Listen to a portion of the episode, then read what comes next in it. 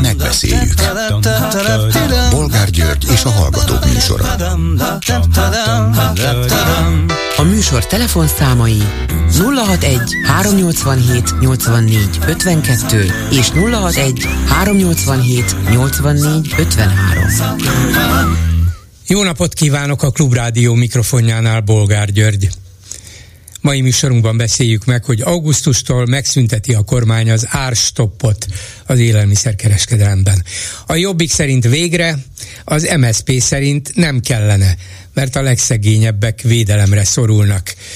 Nem lett volna jobb egy közös ellenzéki álláspont, vagy Hát éppen erről van szó, hogy az ellenzéki pártok azért vannak külön, azért működnek külön, mert nem mindenben ugyanaz a véleményük. Ugyancsak mai bejelentés, hogy a csok a városokban nem lesz elérhető, csak az 5000 főnél kisebb településekben. Ez azt jelenti, hogy nincs pénz, vagy az egésznek nincs sok értelme már. Következő témánk, hogy nem adja oda a 6 milliárd forintot a kormány a fővárosnak, amíg az nem teljesíti a szerződésben vállalt feltételeket, a Lánchíd felújítása ügyében közölte Gulyás Gergely miniszter. Szerintük ugyanis az van a szerződésben, hogy az eredeti forgalmi rendet kell visszaállítani, míg a főváros úgy döntött a lakógyűlés szavazatai alapján is, hogy az autókat nem engedi vissza a hídra. De nem csak ezt a pénzt nem fogják odaadni, hanem más se. Mi a véleményük ezzel kapcsolatban arról, hogy Gulyás külön beszélt Karácsony Gergelyre, beszólt, nem csak beszélt neki, hanem be is szólt. Azzal élcelődve, hogy remélhetőleg be tudja préselni a naptárába az atlétikai világbajnokság megnyitóját.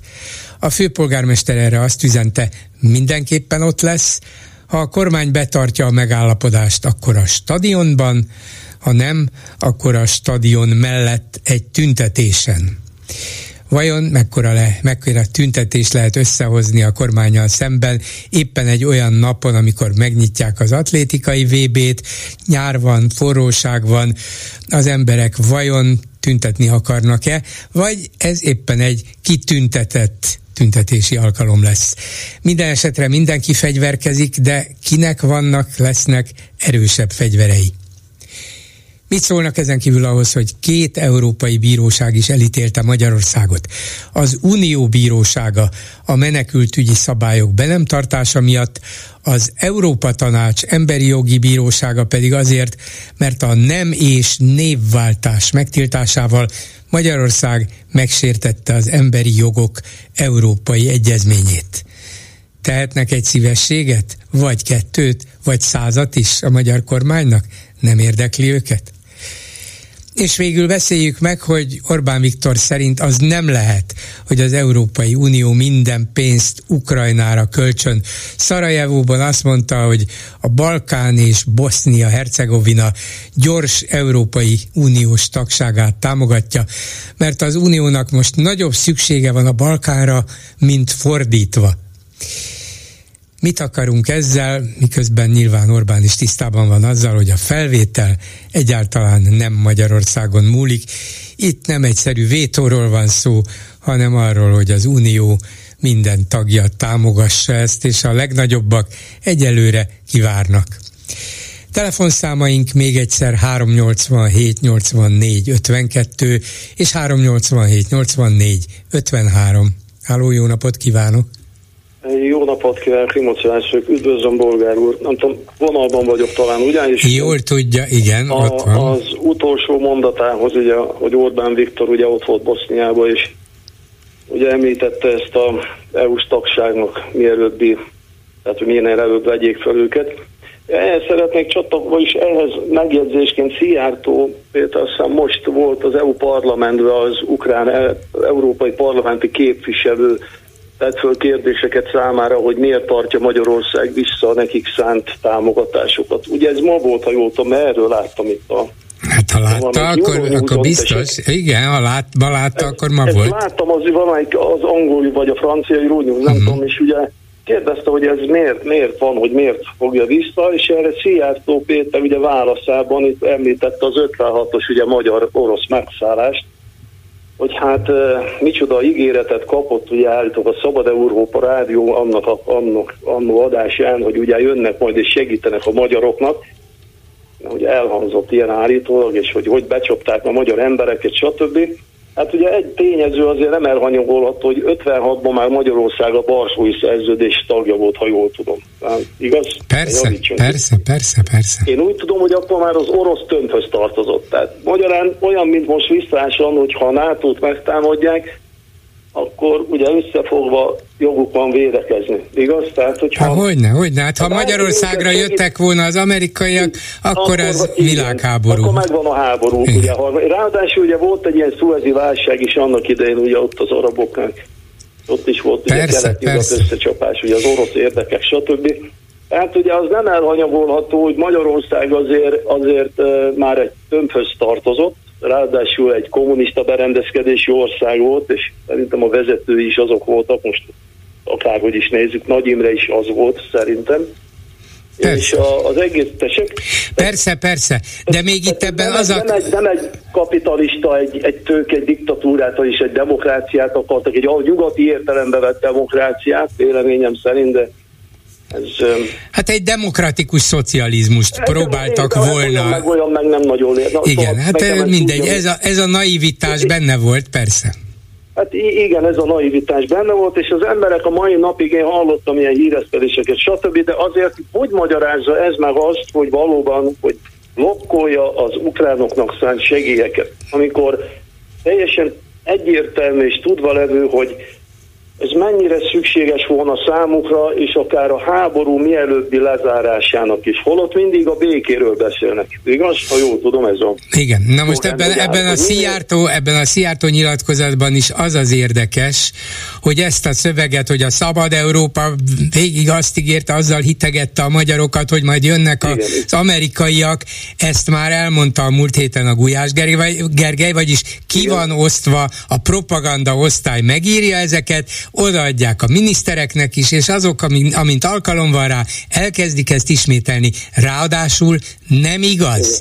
A szabad, e- a szabad Európa néhány évvel ezelőtt készített egy nagy történelmi áttekintő vizsgálatot a saját működéséről, végig elemezték az adásaikat, ezek ugye nyilvánvalóan nincsenek is meg a magyar kormánynak, itt ilyen archívumokban nem őrizték meg a Szabad Európa akkori adásait, de a Szabad Európának megvannak, és kiderült, hogy nem, ilyen nem hangzott el, volt egy-két szereplője a magyar adásnak, aki lelkesen buzdított, hogy majd nem fog elmaradni a támogatás sem, de a, a Szabad Európa Rádió sosem állította azt, hogy jönnek az amerikai csapatok, az Egyesült Államok végképp nem.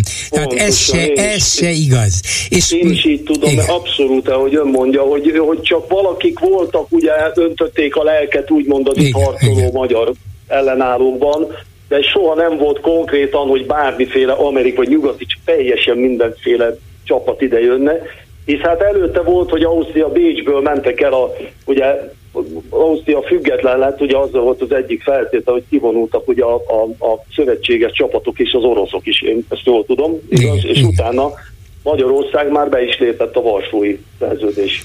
Persze, nem sokkal később megalakult a Varsói szerződés. és lehetőség se lett volna erre, mert mondom, az egy, egy szembetűzés lett volna az orosz tömbbel. Igen, Tehát, de ez, ez komolyan föl sem vetődött valóban, de a magyar hát, kormány most, most természetesen amerikai, Amerika ellenes propagandába kezdett, ennek a része ez is.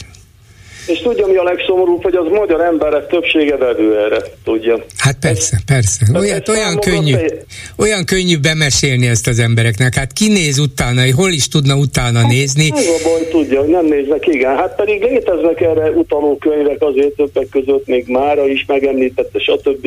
Meg hát ugye nem nagyon néznek külföldi hírcsatornát. Persze, sem, hát az se, meg nem olvassák nem. el a Szabad Európa néhány évvel ezelőtti tanulmányát erről. Hát, Miért olvasnak? Igen. Mi? Igen.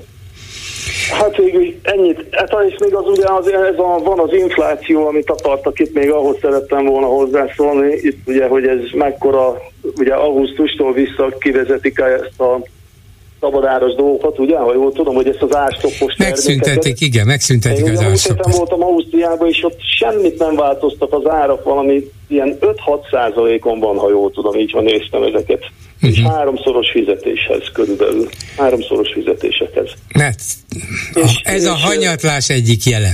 Ez a, hogy így van, a nyugat hanyatlásának egyik jele. Csak hogy még azt, hogy ezt is ennyire be tudták hogy mondjam, nem is tudom, hogy ez bebeszélés, vagy a propaganda által ilyen nagy mosás, hogy, hogy ez a háborús dolgok miatt van, amikor ha átmennek itt a határon, akik ugye nyugati határszínen laknak, nem nehéz, ugye akik már távolabb laknak, azoknak már kicsit körülményesebb, kicsit kimennek, és egyből látják, hogy mit mutat a valóság.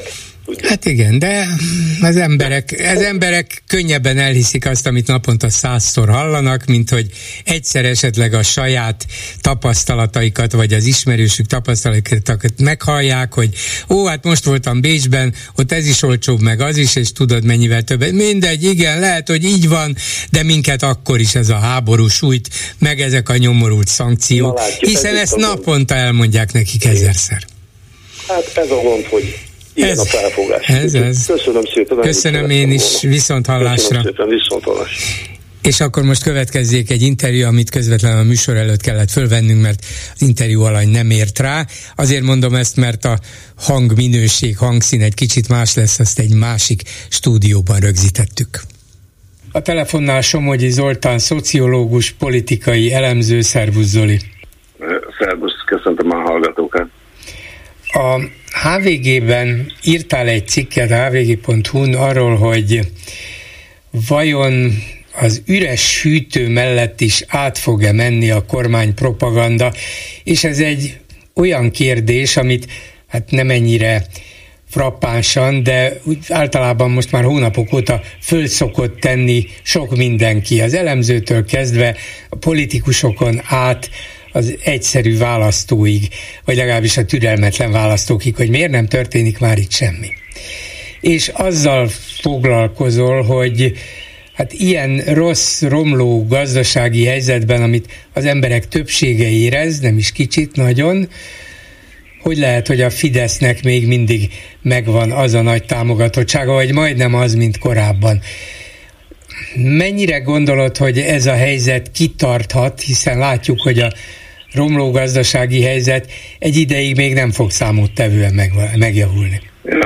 Hát igen, talán azzal egy kicsit hangsúlyosabban foglalkozom a, a cikkben, hogy milyen tendenciákat lehet látni, és mert, mert azt, azt a részét azt nagyjából azt hiszem, hogy értjük, és, és lehet azt tudni, hogy miért van, hogy a, a kormányzati propagandának a, az óriási erejével segítik értelmezni a választók felé a, a világot, és hát nyilván a kormány az vagy a kormánypártok önző szempontjai alapján értelmezik. A kormánypártok és nyilván minden politikai erő hajlamos arra, hogy elfelejtse azt, amit ő rontott el, és kidomborítsa azt, ami neki kedves. Na most ezt csinálja a kormányzati propaganda. Ráadásul úgy, úgy működik, tehát ennek nincsen azért olyan erőteljes elvi alapja, hogy a kormányzat a, a propagandájában mindig a, a mellé áll, olyan ügyek mellé áll, aminek többsége van. És hogyha ezt a többséget folyamatosan tudja hozni, akkor azt az érzetet kelti a választókban, hogy a kormányzat tényleg eh, a tematikája, témájában mindig a, a többségi állásponttal van, tehát ő a nemzeti álláspontját képviseli, ez így áll össze. Ez két dolog kell az állami költségvetésből, tehát abból az adópénzből, amit mi a adóban befizetünk a munkánk után. Az egyik, hogy folyamatosan mérni kell, hogy az emberek különböző dolgokról mit gondolnak, ez nagyon sok pénz, és aztán egy még ennél sokkal több pénzről, eh, sok milliárd forintról beszélgetünk, hogy a kormánypropaganda működjön mindenütt, mindenhol, mindenhol a kormányzati propaganda menjen be a fejekbe. Na most, eh, amikor a kormány valamilyen kommunikációt folytat, akkor mi visszafele is tudunk következtetni, hogy mit mér. Tehát, hogy a, a mérései alapján mi az, amiben többségi álláspontja van, és hogyha addig, amíg ment az a nagyon erőteljes propaganda, hogy itt egy ilyen háborús infláció, vagy szankciós infláció van az országban, akkor gondolhattuk azt, hogy, a, hogy azt méri, hogy az inflációval kapcsolatban többségi álláspontra lehet hozni azt a véleményt, hogy itt Európa tehet az inflációról. Az elmúlt hetekben viszont ez a propaganda kiment, nem látjuk ezt a, a gazdasági inflációs propagandát, sőt a gazdaságról a kormány nem akar, nem hajlandó beszélni, amiről arra következtethetünk, ugye a közpénzünkből eh, miért, eh, miért, miért dolgok ról beszélek, amit egyébként adott esetben egy normális országban minden közpénzből mértek, mindenki láthatna, de csak a kormány látja. Azt gondolom, hogy azt mérik, hogy a gazdasági kérdésekben már olyan elégedetlenség van, amiért a gazdasági ügyekről nem uh-huh. szabad beszélni, át kell terelni egy másik területre a szót, az pedig a háború, mert a háborúban a békepárti álláspont, az többségi álláspont, és hogy a kormány a béke oldalán áll, az ellenzék az a háború oldalán, akkor ki tud alakítani egy olyan tematikát, amiben többségi állásponton van, és el tudja felettetni a gazdasági nehézségeket. És Ez jellemző módon, jellemző, módon, jellemző módon Orbán Viktor, amikor mégis gazdaságról beszél, akkor az év végére koncentrál, és folyton azt hozza elő, meg a többiek is, hogy hát az év végére már 10% alá le fogjuk nyomni, egy számjegyűvé tesszük az inflációt, és rárontunk az inflációra, le fogjuk birkózni, és így tovább, de ez egy fél éves időtáv, és addig tulajdonképpen ne is foglalkozzunk az inflációval, mert itt vannak ezek a háborúpártiak. Igen, hát ugye ráadásul azért itt azt is figyelni kell, hogy mi az, amit a politikai beszédben kell reagálni valamilyen helyzetre, és az egy kötelező reakció mondjuk a parlamentben, de nem helyeznek bele pénzt, hogy utána terjesszék is ezt az álláspontot, és mi az, amiben pénzt helyeznek, mert a propagandában mindig pénzt kell mindig kell, hogy legyen propaganda, mert hogyha megállna a propaganda, akkor összeomlana a kormányzatról alkotott azon kép, hogy tudják, hogy merre viszik az országot. Tehát mindig kell propaganda. Most a, a, a, a amit be pénzszaknak, az nem Orbán Viktornak ezen mondatai, és tehát ez egy másik terület, a, mondjuk egy parlamenti kommunikációt is lehet, meg érdemes elemezni, meg mondjuk a fizetett marketing területét is érdemes elemezni. A fizetett marketing területében lehet következtetni például arra, hogy általában mit gondolnak az emberek, mert ebből mondom így az előbb, amit mondtam példaként, mi is azért fel tudunk fogni dolgokat, akik elemezni próbáljuk a, a magyar politikát,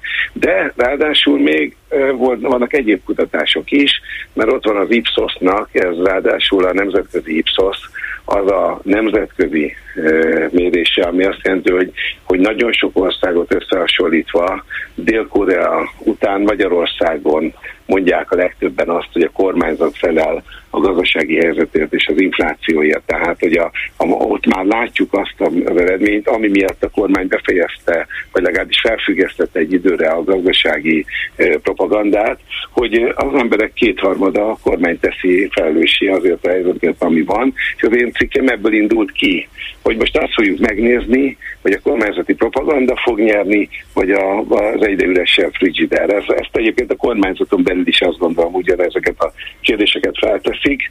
Ráadásul mondanék még ehhez egy fontos szempontot, az pedig az, hogy Orbán Viktor végig azt a politikát építette fel az elmúlt több mint egy évtizedben, hogy minden tőle függ, és azt egy olyan gazdasági konjunktúrára, egy gazdasági emelkedése építette, amit a történelemben is nagyon ritkán látni, mert egy több mint egy évtizedes folyamatban nemzetközi gazdasági emelkedés volt, és abban ő azt akarta érzékeltetni, hogy ez az ő politikájának az eredménye. Ennek mentén egyébként leépítették az ellenzékiséget, leépítették a parlamentáris demokráciát, hát megváltoztatták a választási rendszert, minden azt az üzenetet hordozta, hogy Orbán Viktortól függ az országnak a jó sorsa. Ami egyébként neki nagyon előnyös, mindaddig, amíg jól mennek a dolgok. Az a kérdés, hogy amikor rossz irányba fordulnak a dolgok, és, és azt építették fel, azt a politikát, hogy egy valakitől függ az ország jó sorsa Orbán Viktortól, akkor egy kérdés,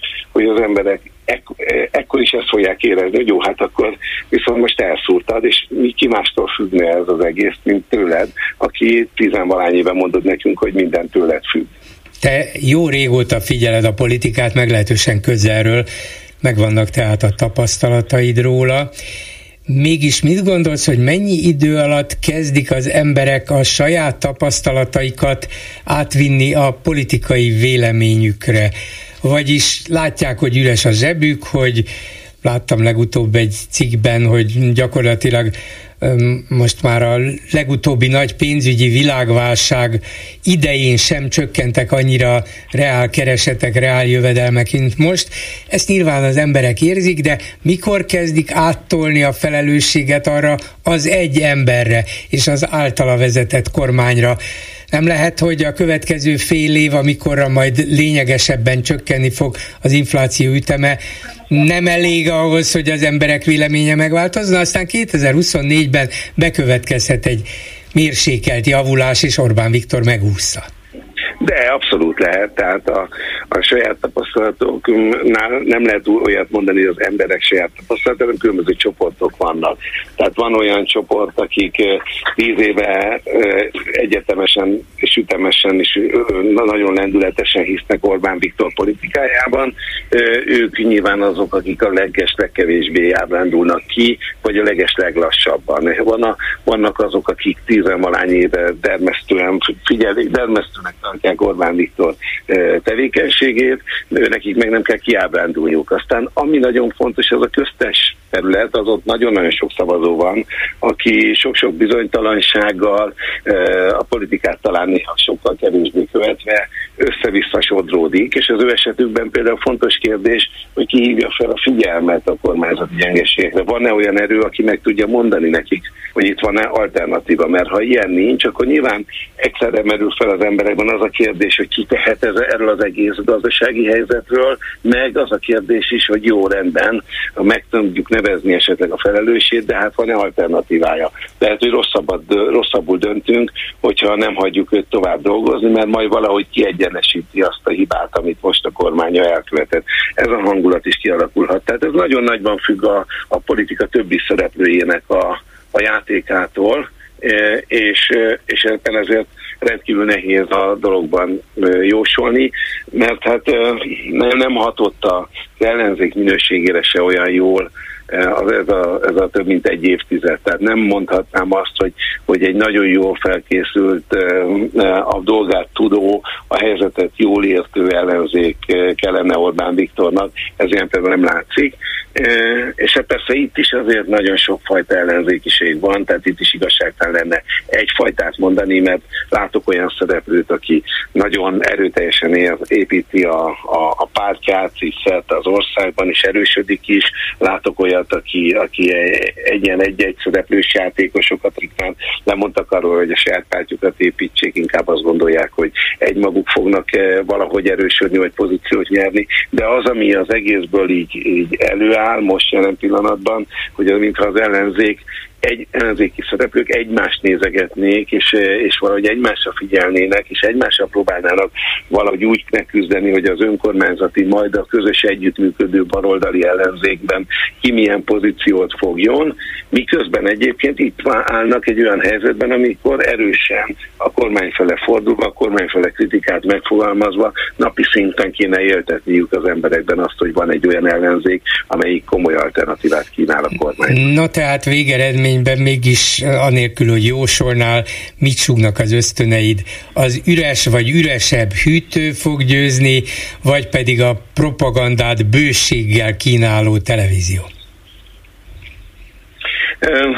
Ugye az első előző választást Orbán Viktor több mint 7000 milliárd, annál egyébként több forint kinyomtatásával nyerte meg pénzt pedig mindig lehet nyomtatni, amikor választások vannak, tehát ezzel a, ezzel a technikával nagyon-nagyon sokáig el lehet lavírozni, meg egy, egy erős propagandával. Tehát azt mondom, hogy az ösztöneim azt súgják, hogy, hogy, a, hogy lehet, hogy nem ez lesz az a, az a dolog, amiben kivillen az Orbáni kormányzás, viszont azt, hogy bajban vannak, az, abban biztos vagyok, és az, hogy most nagyon erős gondolkodás megy a kormányzati oldalon, hogy hogy lehet ebből a, az egyébként most folyamatos megszorításból e, úgy kijönni, hogy ne essen nagyot a, a népszerűsége a kormánynak. Köszönöm szépen Somogyi Zoltán szociológus politikai elemzőnek. Szervusz viszont hallásra. Köszönöm szépen. szép napot! 387 84 52 és 384, eh, bocsánat, 387 84 53 a számunk. Egy hallgató a vonalban, jó napot kívánok! Jó napot kívánok! Nem a, a tegnapi témához, vagy nem tudom, hogy mert most kapcsolódtam be a műsorba. Bátran, hogy a nyugodtan. az még napi renden van, ugye? Most is napi renden van, persze. Igen. A tegnap volt egy docens úr a Műszaki Egyetemről, aki tehát elemezte ezt a láncid ügyet, ezt a, hogy a jár, gépjárművek ne hajtsanak a, a, a, a lánchídra az autók, mert ugye mehetnek a tömegközlekedési járművek, autóbuszok. Személygépkocsik. Személygépkocsik, igen, kivéve taxi és a megkülönböztetett jelzésű. No, ö, és ö, ö, tulajdonképpen én azt tapasztaltam a véleményében, hogy, hogy ugyan bár tehát építőmérnök, stb. mondta, hogy milyen közlekedés tervező is, igen, építőmérnök igen, igen, és közlekedés tervező. De ugyanakkor mégis ő is egyfajta politikai véleményt is megfogalmazott, amivel ostorozta éppen a, a városvezetést. Tehát egy városvezetésnek én úgy gondolom, hogy mind politikai szempontokat, mind pedig természetesen szakmai szempontokat is figyelembe kell venni. Tehát ennek a kettőnek párhuzamban, jobb esetben harmóniában kellene lenni, ami természetesen nem biztos, hogy mindig sikerül. Persze, persze, ez így van. Na most én vidéki nagyvárosi ember vagyok, nem budapesti vagyok, de gyakran átutazom, megfordulok Budapesten, és korábban is a munkámból kifolyólag gyakran utaztam Budapestre, és az volt a tapasztalatom mindig is, hogy hát ez van, hogy ugye Budapestnek a szerkezete az nem egy millió kocsinak, a gépkocsinak a forgalmára é, é, tehát épült, illetve még plusz a tranzit átmenő forgalmat beleszámítva. Hogyne. Tehát mindig dugók, hogy szokták mondani, dugók azok mindig is voltak. Én magam részéről, mint mondom, egy vidéki nagyvárosi polgár, én azt gondolom, hogy egy bátor lépés volt a budapesti városvezetéstől, hogy egyrészt most, hogy ezt minek nevezzük, hogy most lakógyűlés, vagy mindegy, egy, egy, egy közvetlen közvéleménykutatást végeztek, most ezt lehet gúnyolni, hogy ez persze hajazik a, a kormánynak a, a, a nemzeti ugye, konzultációjára. Igen, a nemzeti konzultációra, de szerintem ez, ez, ne legyünk rossz indulatúak, hogy legy, legyünk jó hiszeműek, hogy ezt a, a, a városvezetés ezt jó hiszeműen, tehát be akarta magyarul vonni a döntésbe a, a, a budapestieket, szerintem. Én is úgy gondolom, hogy be akarta vonni, politikai okokból persze, mert úgy gondolta, hogy stabil támogatás kell ehhez a sokat vitatott tervéhez, hogy a Láncidon korlátozzák a gépjárműforgalmat, és úgy gondolta, szerintem nem rosszul ebből a szempontból, hogy kérdezzük meg az embereket, és hát minél többen válaszolnak, annál jobb, de senki nem mondhatja azt, hogy mi nem voltunk megkérdezve. Ez a része bejött. A kérdés talán az mégis, hogy hogy hogy kellett-e hozzá még három kérdést hozzátenni, amitől egy kicsit Jó, nemzeti igen. konzultációsra sikeredett, igen, vagy igen, maradhattak igen. volna ennél, és akkor fekete-fehér a kérdés. Akarjátok, igen. vagy nem?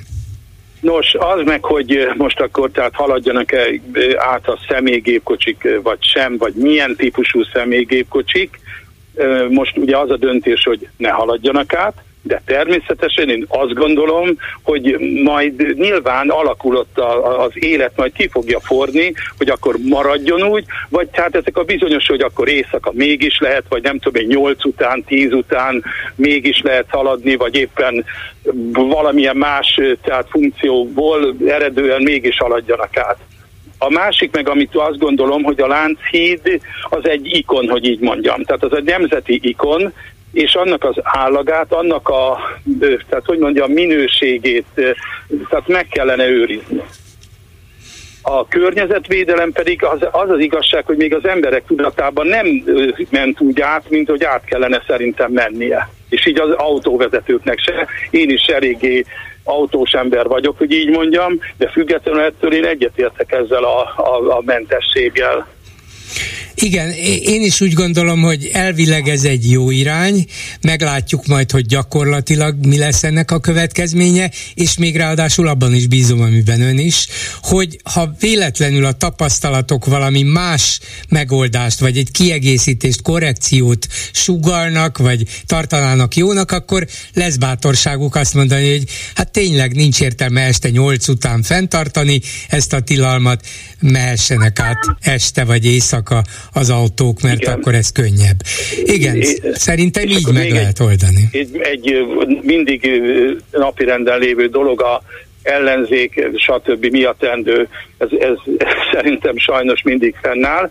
Én amhányszor véleményt nyilvánítottam, és most is azt mondom, egységes ellenzék kellene, tehát egységes, teljesen egységes, egységes kommunikáció, egységes fellépés az ügyek mentén, mert adott, hogy csak így lehet fellépni a, a fidesz szemben de hát akkor, akkor vegyük, vegyük ezt a mostani konkrét példát, az árstoppok kérdését. Két párt rögtön meg is nyilatkozott, a Jobbik üdvözölte, hogy ennek tényleg semmi értelme nem volt, ez tulajdonképpen az áremeléseket erősítette, az inflációt erősítette, az MSZP viszont azt mondta, hogy nem, a legszegényebbeken ez segített, és ezt még jó lett volna fenntartani, mert az infláció továbbra is nagyon magas. É, szóval, hogy, hogy működjön, vagy hogy kellene működni, működni az ellenzéki pártoknak, hogyha például egy ilyen fontos embereket érintő kérdésben ennyire ellentétes két párt álláspontja. Na, hogy, ha, ha hogy egységes, azt mondjuk, hogy legyen egységes, akár nevében is az ellenzék, akkor nyilván akkor van egy, most mindegy teljesen megint, hogy minek nevezzük, kerekasztalnak, valamilyen, bármilyen fórum, ahol egyeztetik majd a véleményüket a pártok, és egységesen mennek ki a közvélemény elé.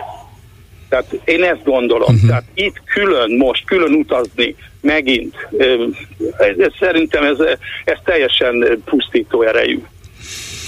Hát ugye ahhoz, hogy az legyen, amit ön jónak tart, meg sokan mások is, ahhoz az kellene, hogy a pártok vezetői és talán tagsága is megegyezzen abba, hogy közös, kvázi közös pártot hozunk létre. Lehet, hogy nem, igen, nem igen, teljesen, de mégis mindenben egységesen Ez lépünk fel. Bármennyire fájdalmas sok, vagy néhány ellenzéki pártnak, hogy ugye volt az, hogy nem leszünk a, a hogy, hogy mondta Ungár Péter, hogy nem leszünk az ilyen tagozata, környezetvédelmi tagozata. Márpedig én meg azt gondolom, hogy igenis annak kell lenni, mert, mert nem nincs más megoldás egyszerűen. Egyszerűen nincs más megoldás, ez nehéz. Most nem az identitásnak a kérdéséről van már szó De ki hozza, nem, meg, nem ki hozza meg a végső döntéseket? Dobrev Klára vagy Ungár Péter? De ez kell, ezen a, ez, ezt, kell, ezt, kell, ezt kell eldönteni ezeken a dolgokon, hogy, hogy nyilván vannak szakmai olyan dolgok, amit mit tudom én, környezetvédelem, akkor nyilván akkor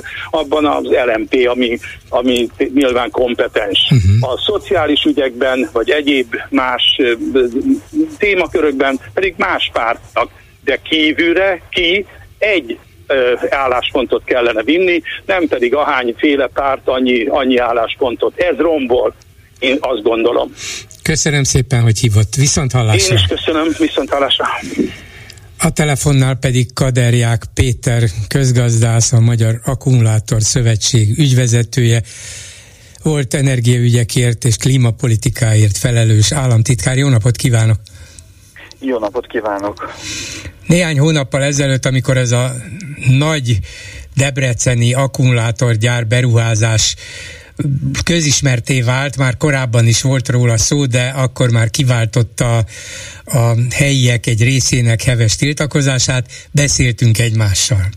De hát azóta egymást követik a bejelentések, itt például a napokban a külügyminiszter jelentette be, hogy Ácson is gyakorlatilag egy akkumulátorgyár épül óriási összegű beruházással, több mint 500 milliárd forintért. Debrecenben is egy hónappal ezelőtt jelentették be, hogy egy másik kínai cég is épít egyet. Győr Szent Ivánon, ahol már egy éve rebesgetik, hogy lehet, hogy ott is hétfőre nagy tüntetéseket szerveznek az ellenzők, bár ott bejelentés még nincs Közben voltak olyan hírek, hogy Tatára és környékére óriási vízi beruházásokat kezdtek el nem csak tervezni, hanem végre is hajtani, és ezeket másképp nem lehet magyarázni, mint azzal, hogy a nagy vízigényű akkumulátorgyárak terjeszkednek a térségben, részben ott is vannak Komárom, Iváncsa és így tovább. Szóval olyan ütemben folynak az akkumulátorgyár beruházások Magyarországon, ahogy sehol a világon, és a kormány erre még büszke is. De a kérdés az, hogy ön, aki azért nincs faséban ezzel a kormányjal, viszont szakember is ezzel kitüntetettem foglalkozik, hogyan vélekedik erről, mennyire indokolt az, hogy ilyen mértékben a világban talán sehol nem látható dinamizmussal, erővel, összegekkel építik az új, újabb és újabb gyárakat Magyarországon. Nem túlzás ez? Hát én uh, onnan kezdeném talán, hogy uh, hogy, hogy azt a kérdést kell föltenni magunknak, hogy annak mennyire örülünk ide-haza, hogy a átalakuló és hasonló dinamikával átalakuló járműgyártásban Magyarországnak viszonylag jó pozíciói vannak. Tudjuk azt, hogy a zajlik fénysebességgel az a folyamat, amely révén a közlekedésünk, közúti közlekedésünk nagy része belsőégésű motoros meghajtás helyett elektromos meghajtású gépjárművekre fog átállni a jövőben. Ez a járműipari átállás és azok a klímavédelmi célok, amelyeket egyébként nem csak Magyarország, hanem Európa elfogadott és meg szeretne valósítani, ezek a folyamatok indukálják globálisan is az akkumulátoriparnak azt a dinamikus fejlődését, amit itt látunk. Egyébként a magyar fejlődés valóban dinamikus, de azért nem mondanám azt, hogy egyedülálló Kínában, Dél-Koreában, Ázsiában jelentős ez a dinamika, és hát az Egyesült Államok tavaly augusztusban hozott egy olyan törvényjavaslatot, ami 400 milliárd dollárt költségvetési pénzt tesz abba, hogy az Egyesült Államok területén valósuljanak meg elektromobilitási beruházások és ehhez kapcsolódó akkumulátoripari fejlesztések. Ez most Kanada lemásolta, tehát az észak-amerikai kontinens teljes mértékben felvette a versenyt ezen a területen Ázsiával és Európával, tehát egy egy, egy globális folyamatról beszélünk, és valóban igaz az, hogy ebben Európa előre akar menni. Én azt gondolom, hallhattuk azt, azán a nézők is hallották hogy a hallgatók is értesültek erről, hogy Franciaországban Macron elnök is ugye üdvözölt hatalmas gigaberuházásokat ezen a területen, hiszen jelentős járműgyártó nemzetről van szó, és hát Magyarország ebben a versenyben úgy tűnik részt szeretne venni, nem szeretne kimaradni ebből, és hát ez a dinamikájú fejlesztés és beruházási aktivitás, amit itt látunk, az valóban meglepő, nagyon nagy volumenű, de hát összességében én azt gondolom, hogy hogy ez a magyar gazdaságfejlesztésnek a, az érdekeit szolgálja. Tehát nagyon kevés olyan terület van, ahol Magyarország globális értékláncokba az elmúlt évtizedekben olyan sikerre tudott újra bekapcsolódni, mint a járműgyártás. Ahhoz, hogy ez a pozíciónk megmaradjon, ehhez alkalmazkodni kell a járműgyártás átalakulásához, és ez, ez, ez, ez indukálja tulajdonképpen a döntő részét ennek az akkumulátoripari e, sztorinak. A másik részét természetesen az, hogy, hogy ha egyébként az elektromos járműveinket pedig megújuló energiával szeretnénk meghajtani, ahelyett, hogy globálisan naponta 100 millió hordó olajat bányásznánk nap mint nap, és égetnénk el nagyon hat, alacsony hatásfok mellett kamionokban, meg autókban, akkor akkor, akkor hát azt a napenergiát, szélenergiát, amit ennek a kiváltásra tudunk használni, azt átmenőleg tárolni kell, ahhoz is akkumulátorra van szükség. Tehát tehát ez, ez az a technológia, ami, ami pont azt a zöld átállást segíti, én szerintem, amit a, a zöldek általában követeltek, és el is érték azt, hogy Európa erre az útra rájön. Úgyhogy ez egy nagyon furcsa vita most, hogy akarjuk is, meg nem akarjuk is ezt a... Hát igen, igaza van, hogy ez egy furcsa vita, mert ez egy progresszív iparág, ha tetszik, valóban egy zöld átállás alapjait megteremtő és azt lehetővé tevő iparág, és érthető módon óriási pénzek kellenek ahhoz, hogy, hogy ebből konkrétan is legyen valami.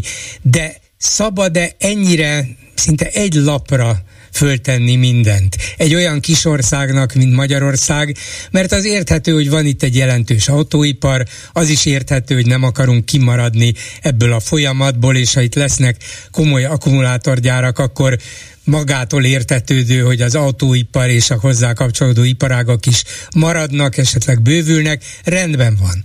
De hát egy kicsi, energiaszegény és most már lassan vízben szegény országá válunk, épp a klímaváltozás következtében, és olyan mértékű ez az akkumulátorgyári beruházás sorozat, amilyen még ha igaz is az amerikai, a kanadai, a francia és a többi példa a mi gazdasági erőnkhöz, földrajzi méreteinkhez képest sokszorosa az összes többi országéinak, hát Kínáról most nem is beszélek, ugye az óriási ország egy és egy negyed milliárd lakossal, szóval mi pedig a világnak most már, már most is a negyedik legnagyobb akkumulátorgyártója vagyunk, és lehet, hogy a második legnagyobbak leszünk. Hát erre azt mondanám kapásból, anélkül, hogy hozzáértenék, hogy ez abszurdum.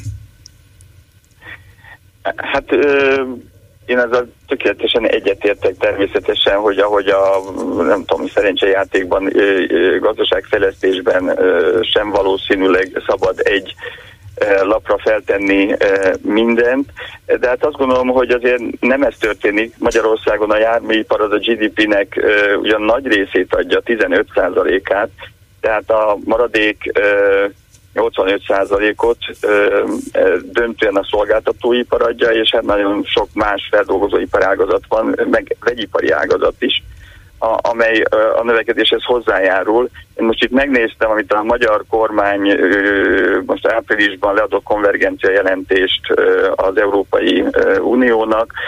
Abban van egy nagyon érdekes ábra, ugye az elmúlt 2020 eleje óta megvalósult legnagyobb külföldi befektetésekről az országban, és a 20-ból 12 kapcsolódik az akkumulátoripari fejlesztéshez, néhány autóipari, de természetesen ezek között más iparágaknak a beruházásai szerepelnek. Tehát jelentős ez a ez az aktivitás, de nem kizárólagos, és én nem gondolom, hogy itt azért az egy lapra feltevésről lenne szó. Ez most az az iparág, hogy ha most felszállunk a vonatra, most még föl lehet szállni. Öt év múlva ezek a beruházások máshol lesznek, nem biztos, hogy erre a vonatra majd öt év múlva, amikor jól meggondoltuk magunkat, még föl lehet szállni. Ennek most van itt az ideje, Úgyhogy ez az egyik, amit mindenképpen említeni szerettem volna. A másik az az, hogy ugye mindig akkumulátor gyártásról beszélünk csak úgy általában, és itt a cella gyártásra szoktunk gondolni, de ugye azok az üzemek, amelyek, amelyeknek a beruházásairól szó esik, és például ön említette a, talán az Ácsi nagy beruházás. Igen, ez egy katódgyártó. Igen. Így van, tehát ez egy, az egy akkumulátor komponens gyártó üzem, egy alkatrész gyártó üzem, tehát alkatrész gyárt ahhoz az akkumulátorhoz, amit aztán alkatrészként az elektromos gépjárművekben vagy, vagy hálózati tároló berendezésekben felhasználnak. Tehát az a folyamat indult el Magyarországon, és ez egy nagyon érdekes, és hát én azt gondolom, hogy hát nagyon izgalmas folyamat, hogy, hogy a a prémium gépjármű gyártók ide vonzották a kulcs komponensgyártó, akkumulátorgyártókat, és azok pedig arra ösztönzik az ő beszállítóikat, hogy közel költözenek hozzájuk, és Magyarországon kezd kialakulni az, hogy az, a teljes akkumulátoripari értékláncnak a szereplői megjelennek azzal a szándékkal, hogy itt beruházzanak, és ezek a tevékenységek ezek azért elég eltérő mértékben anyag, meg energia, meg, meg minden víz igényesek. Inkább a cellagyártásról szoktuk azt mondani, hogy ezeknek jelentős ilyen típusú igénye van. És még talán annyit mondanék el, hogy ugye sokszor szó esik arról, hogy ez egy ilyen erőltetett iparosítás, vagy valami hasonló dolog lenne. Azért azt, azt a hallgatók tudják, hogy ezek a beruházások, ezek magánberuházások. Tehát itt, itt mindenki, aki ebbe a tevékenysége befektet, az a saját pénzét kockáztatja, és ilyen értelemben teljesen organikusan privát befektetésekkel járul hozzá ahhoz, hogy új munkahelyek jönnek létre Magyarországon, hogy új hozzáadott érték teremtés jön létre. Csak az Akkumulátor Szövetségben egyébként 70 fölötti tagunk van már magyar vállalkozás, meg magyar kutatóintézet, aki ebbe a sztoriba be szeretne kapcsolódni, ahol keresi a helyét, hogy, hogy magyar hozzáadott érték nagyobb arányban jelenjen meg ebben a folyamatban, tehát egy, egy, egy hát hogy mondjam, én azt gondolom, hogy ez egy, nem lesz mindig így, tehát valószínűleg tíz év múlva ez a, ez a típusú, ilyen klaszter típusú az egész értékláncot érintő iparfejlesztés, ez már nem lesz jellemző. Ennek most van itt az ideje, most azért látjuk ilyen szinte robbanásszerűen, mert mert egymást vonzák ide ezek a de hogy, le, hogy lehet, hogy ilyen, hogy ilyen robbanásszerű fejlődés, fejlesztés sehol máshol nincs, miközben másutt is ugyanannyira jól látják a tendenciákat, meg több pénzük is van rá. Jó, azt mondja ön, ezek magánberuházások, igen. De mondjuk a 3000 milliárdos debreceni beruházáshoz állítólag több mint 300 milliárd forintnyi állami támogatás is megy, és az Ácsi katódgyár beruházáshoz, ami 520 milliárd, ahhoz is, bár nincs eldöntve, de gondolom legalább 50 milliárd körüli, tehát óriási állami költségvetési pénzek mennek bele ebbe. Ácson 900 embert alkalmazna ez a gyár, van 120 olyan ember, aki munkát keres a városban. Szóval nem feszíti ez a végletekig a, a magyar lehetőségeket, a magyar kereteket? Hát én azt, ö, azt nem tudom, nem, nem, nem vagyok, hogy mondjam, nem vagyok gazdaságpolitikus, tehát nem, ezt nem nekem kell eldönteni. Én nem, nem gondolom, hogy ez jelenlegi helyzetben szétvetíteni a magyar lehetőségeket. Inkább én azt gondolom, hogy egy számtalan új lehetőséget teremt, egyenlőre, úgyhogy, és hát nem Magyarország a legnagyobb, ezt még egyszer hagy hangsúlyozzam, és hadd említsek két dolgot. Az egyik ugye az az, hogy Európában valóban kezdenek kialakulni azok a azok a csomópontok, ahol várhatóan a jövőbeni akkumulátoriparnak a központjai lesznek. Ezek közül a legnagyobb Németország. Vajon miért? Tett fel az ember a kérdés. Hát valószínűleg nem véletlenül, hiszen ö, Németország mégiscsak az ö, európai járműgyártásnak a, a, a kulcs ö, ö, nemzete országa. Ö, tehát oda még inkább és még nagyobb ö, sűrűséggel ö, mennek ö, a hasonló befektetők. De Skandinávia élen Svédországgal is kulcs szerepre törekszik ezen a területen, lengyel barátaink, ö, ö, ö, tulajdonképpen velünk versenyezve igyekeznek ö, a dobogó második, harmadik helye körül ö, pozíciókat szerezni. Az ember spanyol kollégákkal beszél, ö, ott ö, ö, Sevilla környékén éppen most döntött el Volkswagen giga beruházásokat, illetve hozzá kapcsolódó giga akkumulátoripari fejlesztéseket, a franciákat már említettem, olaszok is ezt akarják csinálni, tehát egy nem csak globálisan, de Európán belül is van egy nagy verseny azért, hogy, hogy ki milyen pozíciót szerez meg ezen a területen, és, és mi most jó pozícióban vagyunk. Én, én, én, én, én tényleg azt gondolom, hogy ez ma még a lehetőségeinket nem feszíti szét, és talán egy másik dolgot hadd említsek, mert erről a hazai vitákban kevés szó esik, és itt a támogatások is szóba jöttek. A Európai Bizottság tulajdonképpen válaszként az Egyesült Államokban ugye már említett ilyen infláció csökkentési szabályozási csomagra válaszul, az a bizonyos 400 milliárd dolláros csomagra válaszul, a közelmúltban publikált és hozott nyilvánosságra két olyan törvénytervezetet, európai jogszabálytervezetet, amelynek az egyik címe az, az, az, hogy Net Zero Industry Act, tehát a Net Zero átállás szolgáló ipar támogatását szolgál javaslat, amiben az Európai Bizottság nevesít hetes darab olyan technológiát, amelyről azt gondolja, hogy Európának érdeke, hogy a területén ne csak alkalmazzák ezeket a technológiákat, tehát ne csak napelemeket szerünk a háztetőre, hanem a napelem gyártás is Európában történjen. Hét ilyen technológiát, hőszivattyúkat, hidrogén technológiát említ. Ez a törvénytervezet, és mit említ még tételesen említi a villamosenergiatárolást és az akkumulátoripart. Tehát Európában ma arról folyik a beszéd, hogy hogyan és milyen módon kellene Európának azt elérnie, hogy ezen a területen az ipari tevékenysége az a mainál sokkal masszívabb legyen. És van egy másik történetelmezet, amit úgy hívnak, hogy Critical Raw Materials Act, vagy kritikus alapanyagok biztosítására vonatkozó törvényjavaslat, mert azt mindenki felismerte, hogy ahhoz a zöld átálláshoz, amiről beszélünk, tehát a, a, a, a sok napelemhez, a sok elektromos autóhoz, a sok akkumulátorhoz olyan olajra ugyan nincs szükség, de olyan alapanyagokra van szükség, amelyben Európa ugyanolyan szegény, mint az olajban meg a földgázban, és azon kell dolgozni, hogy hogyan lehet ezeket az alapanyagokat Európának a mainál jóval nagyobb arányban saját magának biztosítani, ha ilyen ipari aktivitást akar. Tehát az egész európai vita arról folyik ma, ellentétben a magyarral, hogy hogyan építsük fel Európában ezt, a, e, ezt az iparágat, és hogyan garantáljuk azt, hogy ezzel nem okozunk egy végleges kiszolgáltatottságot. Értem, lemaradást, értem, értem. Igen. Egy utolsó, Igen, utolsó kérdésem volna, hogy Igen. várhatunk a következő hetekben, hónapokban még olyan váratlan nagy beruházási bejelentéseket, mondjuk Győr-Szentiván vagy Tata térségében, hogy na, itt is megjelenik egy dél-koreai vagy kínai befektető? Vannak erről esetleg értesülései?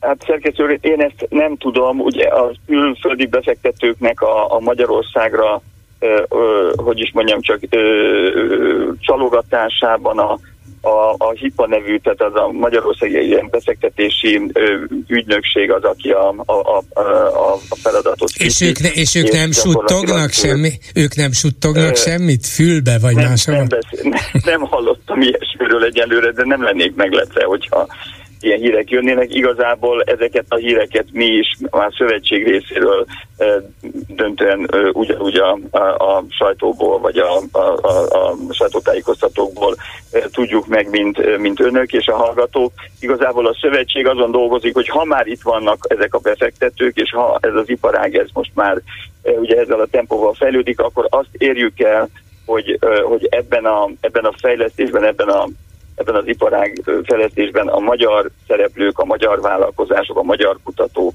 minél aktívabban be tudjanak kapcsolódni, úgyhogy mi tulajdonképpen hátrébb vagyunk a sorban, inkább ezen dolgozunk, hogy ez egy szerves, szerves gazdaság fejlesztésé válhasson Magyarországon. Köszönöm szépen Kaderiák Péternek, a Magyar Akkumulátor Szövetség ügyvezetőjének. Viszont hallásra! Én is, én is köszönöm szépen az érdeklődését, viszont hallásra! A hírek után is lesz mit megbeszélni. Röviden mai témáinkról. Augusztustól megszünteti a kormány az árstoppot az élelmiszer kereskedelemben. Az MSZP szerint nem kellene, a Jobbik szerint végre. Szigorítják a csokot is, városokban például nem vehető igénybe. Aztán a kormány nem adja oda a 6 milliárd forintot a láncít felújítására, a fővárosnak mindaddig, amíg nem áll helyre az eredeti forgalmi rend. Gulyás Gergely külön is beszólt Karácsony Gergelynek, azzal élcelődve, hogy remélhetőleg be tudja majd préselni a naptárába az atlétikai világbajnokság megnyitóját. Karácsony válaszolt, mindenképp ott lesz. Ha a kormány betartja az ígéreteit, akkor a stadionban, ha nem, akkor a stadion mellett tüntetve. Két európai bíróság is elmarasztalta Magyarországot, az egyik amiatt, hogy nem tartja be a menekültügyi szabályokat, a másik pedig azért, mert megtiltja a nem és névváltást Magyarországon. A kormány nyilván dörzsöli a kezét, hogy na látjátok, ezért nincs szükségünk nekünk Európára. Ezek olyasmit akarnak rá, ránk kényszeríteni, amit a magyarok nem szeretnének. 387 84 52 és 387 84 53 a számunk. Háló, jó napot kívánok! Vári Attila vagyok. A következő csak egy kérdésem lenne Igen. igazából. A világ nagy autógyártói nagyon komolyan foglalkoznak a hidrogénfellás autóval. A hidrogénfellás autók valószínűleg, hogy pár éven belül megjelennek. Tíz évvel ezelőtt a tájékozottabb emberek milyen villanyautóról tudtak? A Tesláról. Elon Musknak az Amerikába gyártott Teslájáról. Nem hallottam arról, hogy a Citroen, nem hallottam arról, hogy a Peugeot, nem hallottam azt, hogy a Volkswagen, vagy ne adj Isten, mint ahogy most már a Dacia is villanyautót hirdet. Tehát tíz év alatt eljutottunk odáig, hogy elkezdjük gyártani ezt az iszonyatos mennyiségű, előbb-utóbb hasznavehetetlen hulladékot. Tehát valaki felmérte azt, hogy a hidrogén cellás autók itt kopognak a, a, a szomszédba az ajtókon, és hogy előbb-utóbb ez a, ez a világ, ami most így kezd kialakulni, és valami őrület, ahogy egyik gyár a másik után áll át villanyautóra, holott nem igazi zöld energiát használnak fel azok, akik autóznak. Bármennyire zöld attól, hogy nincs kipufogó gáz a városban tőle, de az energia, amit felhasznál, többnyire ö, szénhidrogénekből származó energia, mert ö, nem hallottam még olyat, hogy egy, egy nagy-nagy, egy óriási nagy szállító cég egész nap tölti a ö, napkollektorokon keresztül a teherautóit, mert éjszaka fuvarozik. Ilyet nem hallottam. Tehát ez egyszerűen az a kérdésem, hogy mi lesz itt akkor a lebetonozott ö, ö, hektárok százai, mert azt hiszem, hogy annyi lesz a végeredmény. Meg a, az a itt nyakunkon maradó rengeteg fölöslegesen legyártott akkumulátor, ha megjelennek a hidrogénszállás autók. Elnézést, de tényleg annyira rág ez a dolog engem, hogy és akkor mi lesz? Jó, azt tudjuk, hogy a, a, annak idején valamelyik dubai emír azt mondta, dubai vagy valamelyik öbölmenti emír azt mondta, hogy a kőkorszak sem azért ért véget, mert elfogyott a kő, tehát a kőolaj után is lesz valami más, mondták ők. Tehát itt mi lesz, mi lesz akkor, hogyha ha tízessével emelkednek ki a földből ezek a gyárak, olyan helyen, ahol valószínűleg nem is kellene, ha jönnek a hidrogéncellás kocsik, amik egészen más alapon működnek. E, miután nem, ér, miután nem értek hozzá, ezért nagyon könnyen tudok válaszolni, nem tudom, mi lesz természetesen, de azt azért látni, hogy az egész világ átállt ezekre az elektromos meghajtású autókra, vagy akkumulátor meghajtású autókra, vagy legalábbis ebbe investál óriási mértékben hatalmas pénzeket új gyárak létrehozásával, ebb közben foglalkoznak ezzel a hidrogén meghajtással is, de úgy látszik, és feltehetően ebben a, a kutatók, fejlesztők is egyetértenek, hogy az nem képes egyelőre ilyen méretekben és megfelelő áron és biztonsággal bevezetni ezt a környezetbarátabb típusú autózást, vagy lehetővé tenni, ezért nyilván ez az opció is nyitva marad, de a következő 15-15 évre mégiscsak az akkumulátorban látják a legalább átmeneti megoldást. Hogy aztán Magyarországnak érdemese ilyen mértékben beszállnia ebbe, ami lehet, hogy valóban csak 10-15 évig tart, és aztán fokozatosan veszti a jelentőségét, ez egy következő kérdés, de én nem látom, hogy az volna e pillanatban az alternatív, hogy hidrogén meghajtás vagy akkumulátor. Hát mondjuk én, én sem azt látom, hogy, hogy ma vagy holnap már megtörténik a váltás. A másik pedig a Lánchiddal kapcsolatban helyre kell állítani az eredeti forgalmi rendet. Ökrös szekerek, hintók mehetnek csak át rajta. Kész, ennyi. Ez jó, én is köszönöm szépen. Szervusz. A vonalban pedig Pálinkás József atomfizikus, az egykori Új Világ Néppárt elnöke, a Magyar Tudományos Akadémia korábbi elnöke. Jó napot kívánok! Jó napot kívánok! Aki nem olyan rég, hát néhány hó, jó néhány hónap ezelőtt bejelentett, hogy visszavonul a politizálástól, közélettől, aztán mégiscsak látom, hogy Facebookon megszólalt, mert nem bírja visszatartani magát, és oda mondott Gulyás Gergely miniszternek is, és fölhívta a figyelmet azokra a hazugságokra, amelyeket akár a kormány, akár minisztere terjeszt. Mindjárt kitérünk erre részletesen is, de mindenek előtt azt akarom megkérdezni, hogy nem olyan könnyű kivonulni a közéletből, politikából? Hát a közélet, a politikából könnyű, a politikából tulajdonképpen kivonultam, a közéletből nem kívánok kivonulni, azért az én eddigi közéleti tevékenységem és egy közéleti megnyilvánulásaim azt hiszem, hogy nem teszik azt lehetővé, hogy most pontól kezdve soha semmiben nem nyilvánítok véleményt.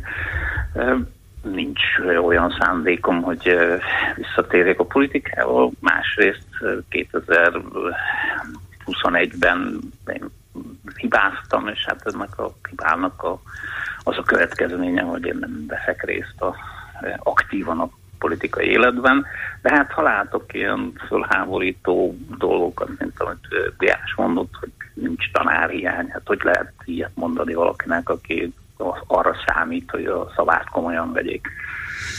Hát hogy lehet, nyilván ön, aki jártas a politika világában, miniszter is volt, tudja, hogy hogy lehet. Hát azt hiszik, hogy ezt elhiszi a társadalom többsége, és ezzel mm, meg lehet tartani a bizalmat az országban, nem? A többiek meg úgy is szídják őket. Csak azok az emberek hiszik el ezt, akik, akik abszolút tájékozatlanok, és egy idő után már a saját bőrén fogja érezni, a, a lakosság nagy része, amikor minden iskolában hiányozni fog ilyen vagy olyan tanár, akkor csak rájönnek az emberek, hogy nem igaz, hogy, hogy nincs tanárhiány, mert, mert gyakorlatilag minden iskolából hiányzik egy vagy több szakos tanár, és főként természetesen természettudományi területről hiányoznak ezek a tanárok. Kár hazudni az embereknek, mert amikor ez összeomlik, akkor, akkor, akkor nagyot fog csattanni az, hogy ennyiféle módon hazudnak az embereknek. Mit gondol a Tudományos Akadémia egykori elnökeként és fizikusként kérdezem, hogy hogyan lehetne népszerűbbé tenni a természettudományokat a diákok, gyerekek körében, és amikor már odáig jutnak, hogy valamennyire megszeretik, vagy elfogadják, vagy értenek ezen a természettudományos nyelven, akkor hogy lehetne őket rávenni arra, hogy menjenek tanítani is? Mindenek előtt a tanári pályát kellene vonzóvá tenni, és jó tanárok kellenének. A jó tanárok a természettudományos tárgyakat is vonzóvá tudják tenni, mert az is tanítható érdekesen, de ehhez jó tanárok kellenek, és anélkül, hogy megbántanám a tanárokat, azt kell mondjam egyetemi oktatói tapasztalatomból, hogy bizony nagyjából 2000 8-12 után nagyon gyenge volt a eh, tanárszakra felvételizők eh, teljesítménye. Tehát ez, ami most eh, amit most látunk, ez nem tegnap kezdődött, ez elkezdődött tíz egy néhány évvel ezelőtt. Nagyon-nagyon nagy hibát követtek el 2013-ban, amikor a tanárok bérét, akkor ugye a minimálbérhez rögzítették, és 13-ban azt mondták, hogy mégse. Ezzel óriási hibát követtek el, ez történelmi hiba, mert mostanra a tanárok, a tanári pálya vonzereje az gyakorlatilag teljesen megszűnt, mennél rosszabb, mennél gyengébb tanárok tanítanak, annál kevésbé fogják a tárgyakat komolyan venni a diákok is nem tudnak olyan színvonalon tanítani a képzetlen tanárok, ami, ami vonzóvá tehet egy tárgyat. Nem csak ezzel kapcsolatban fejtette ki a véleményét, hanem azt se bírta megállni szó nélkül, hogy mm, a miniszterelnöktől kezdve Gulyásig és másokig, hát persze a sajtójuk is állandóan azzal idegesítik most már tulajdonképpen hetek, hónapok óta az embereket, hogy hát közeleg az atomháború, és lám egy lépéssel megint közelebb kerültünk hozzá, mert a nyugati országok urántartalmú lőszereket adnak át Ukrajnának. Hát ebből aztán egyenes út vezet az atomháborúhoz. Miért nem?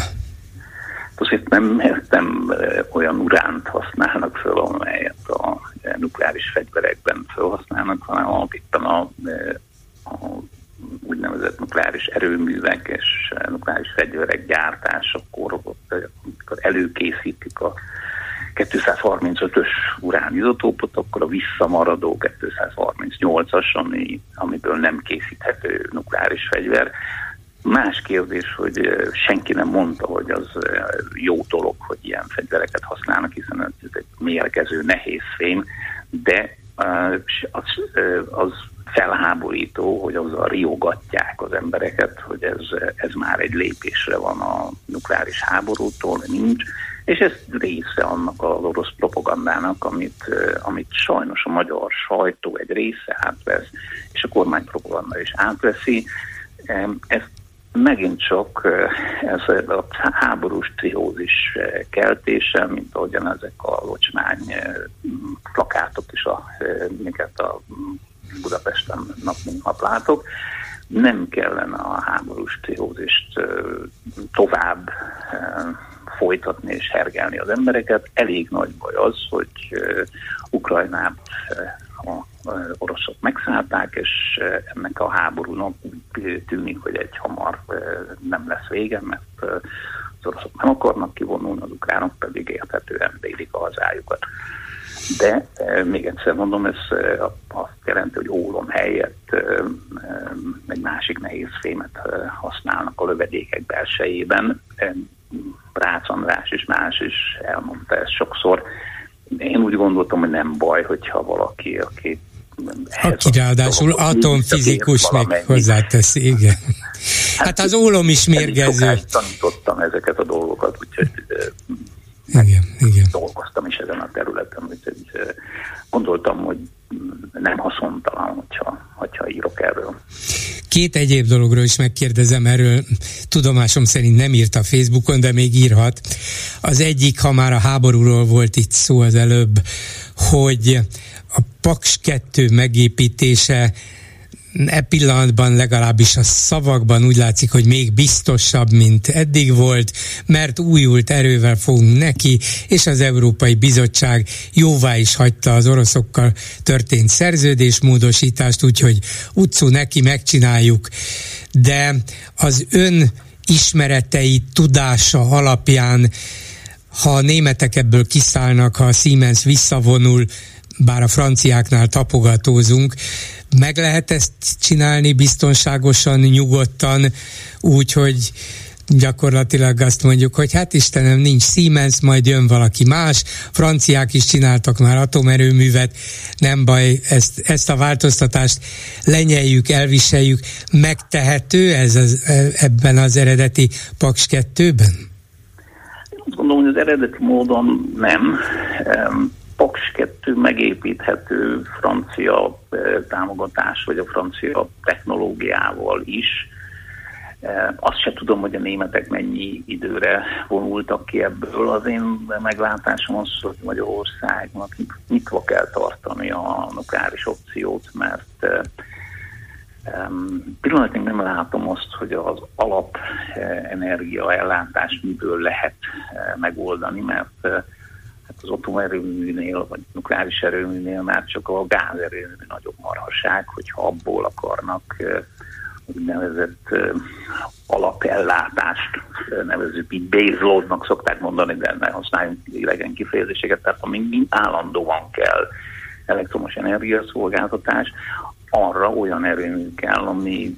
Ami képes folyamatosan termelni az energiát. A nap 24 órájában képes termelni, és természetesen ami azon fölül kell, azt, azt mennél inkább átállunk a naperőművekre, szélerőművekre, annál jobb. De pillanatnyilag én nem látom azt, hogy olyan mértékű um, napenergia termelést lehetne Magyarországon elvégezni, ami kiválthatná a paksi atomerőmű termelését, és látni kell azt is, hogy a jelenlegi erőműnek azért előbb-utóbb itt van a vége, tehát végtelenségig nem meghosszabbítható a jelenleg. De nem volna értelme inkább abban gondolkozni, hogy az orosz kapcsolat nagyon bizonytalan minden értelemben hogy akkor lehet, hogy pár év késéssel, de akkor legyen egy francia erőmű, nekik ebben nagy tapasztalatuk van. Játszunk inkább biztosra is, lehet, hogy talán még korszerűre is? Ha engem kérdez, én inkább az amerikai vagy a vagy pláne. francia uh-huh. opciót választanám, mert technológiailag megbízhatóbb és megbízhatóbb partnernek tűnik nekem az Egyesült Államok is, és, és Franciaország is, mint az oroszok. De hát van egy elköteleződés az oroszok felé, én, én nem tudom ennek az elköteleződésnek a pontos részleteit. Aggályosnak látom azt, hogy egy olyan országgal olyan országtól függünk nagyon nagy mértékben, ami meg hát láttuk, hogy az, ennek a függésnek bizony vannak olyan pontjai, amikor bizonytalanná válik. Ugye az oroszoknak kell majd szállítani a atomerőműhöz, vagy nukleáris erőműhöz a fűtőelemeket is. Hát jó lenne, hogyha az az opció nyitva lenne, hogy francia fűtőelemeket, vagy amerikai fűtőelemeket is tudna a reaktor majd használni, ha megépül. Azért van itt még számos olyan bizonytalan pont, amit, ami kétséget is teszi, hogy mikor épül meg, hiszen 2023-at írunk már javában épülne, hogyha az eredeti tervek szerint igen, már, már talán be is fejezték volna, hogyha minden úgy van, ahogy akkor állítják. De hát, hát nem úgy lett. Igen. Na, és végül itt az elmúlt percekben vagy fél órában beszélgettem Kaderják Péterrel egykori energiaügyi államtit, nem olyan egykori, 2021-ben még az volt energiaügyekért felelős államtitkárral, most az Akkumulátor Szövetség elnöke arról, hogy irdatlan mértékben, erővel, pénzzel, folyik az akkumulátorgyár beruházási hullám Magyarországon. Lakosság és, és és terület arányos módon nyilván ez a legtöbb, amit bárhol a világon erre fordítanak, és én nekem az volt a kérdésem, hogy szabad-e ennyire elköteleződni egy ilyen technológia mellett, tudván, hogy ez nagyon energiaigényes, vízigényes, bizonyos szempontból veszélyes is a technológia, tehát sok minden szól ellene, és ennyire egy lapra föltenni egy ország gazdaságfejlesztését, hát legalábbis megkérdőjelezhető. Többé-kevésbé amellett foglalt állást, hogy de, de kell, mert ez az irány. Önnek mégiscsak olyan embernek, aki sokkal többet ért nálam ehhez, mi a meglátása erről, ha kívülről ránéz, mert nem belül van? Teljesen abszurd gazdaságpolitika, nem szabad ilyen mértékben eh, kitenni az országot egyetlen eh, technológiának, és főképp ilyen mértékben nem szabad eh, Magyarországra akkumulátorgyárakat telepíteni, hát csak azért sem, mert senki nem beszél róla, de az Isten szerelmére. A, ezeket az akkumulátorokat, amikor mm, ezek már használhatatlanok, akkor a gyártó országnak kell majd újra hasznosítania. Ez óriási energiát, óriási víz mennyiséget igényel, és sokkal veszélyesebb, mint a gyártás. Ezről soha senki nem beszél. Tehát ilyen mértékben, hangsúlyozom még egyszer, a mértékkel van a baj. Természetesen Magyarországon is kell akkumulátorokat gyártani, Magyarországon is használunk akkumulátorokat. De azt, hogy ez a gigantománia, hogy mi a 10 milliós Magyarország a maga 93 ezer négyzetkilométerével legyen az első vagy a második a világon a akkumulátorgyártásban, ez, ez butaság, használhatok kemény szavakat és őrültség ilyen módon eh, kitenni az országot annak, hogy eh, a későbbiekben ezt a rengeteg akkumulátort majd itt Magyarországon kelljen földolgozni. Már most vannak rá Európai Uniós irányelvek, és higgyék el, vissza fogják hozni ide. Nem fogják a németek földolgozni helyettünk, nem fogják az olaszok feldolgozni helyettünk, sőt a kínaiak se fogják földolgozni helyettünk a már használhatatlan akkumulátorokat. A legveszélyesebb anyagok közé tartoznak a ceruza elemek is, itt pedig a akkumulátorokból ezer tonnákról van szó, amit föl kell dolgozni. Bárki bármit mond, ilyen mértékben akkumulátorokat gyártani Magyarországon őrültség, ez pusztán azért történik, mert ez az egyetlen, már most, mostanában a gyóközelítéssel egyetlen beruházás, ami behoz ide külföldi tőkét, és hát az európai pénzek elapadása miatt szükség van a külföldi tőkére, ezért kapálóznak kézzel, lábbal a kínaiaknál, hogy hozzanak ide még több akkumulátorgyárat. Helytelen gazdaságpolitika. Köszönöm szépen Pálinkás József atomfizikusnak, a Tudományos Akadémia volt elnökének. Viszont hallásra! Viszont hallásra! Háló, jó napot kívánok! Egy hallgató kellene, hogy a vonalban legyen. Háló!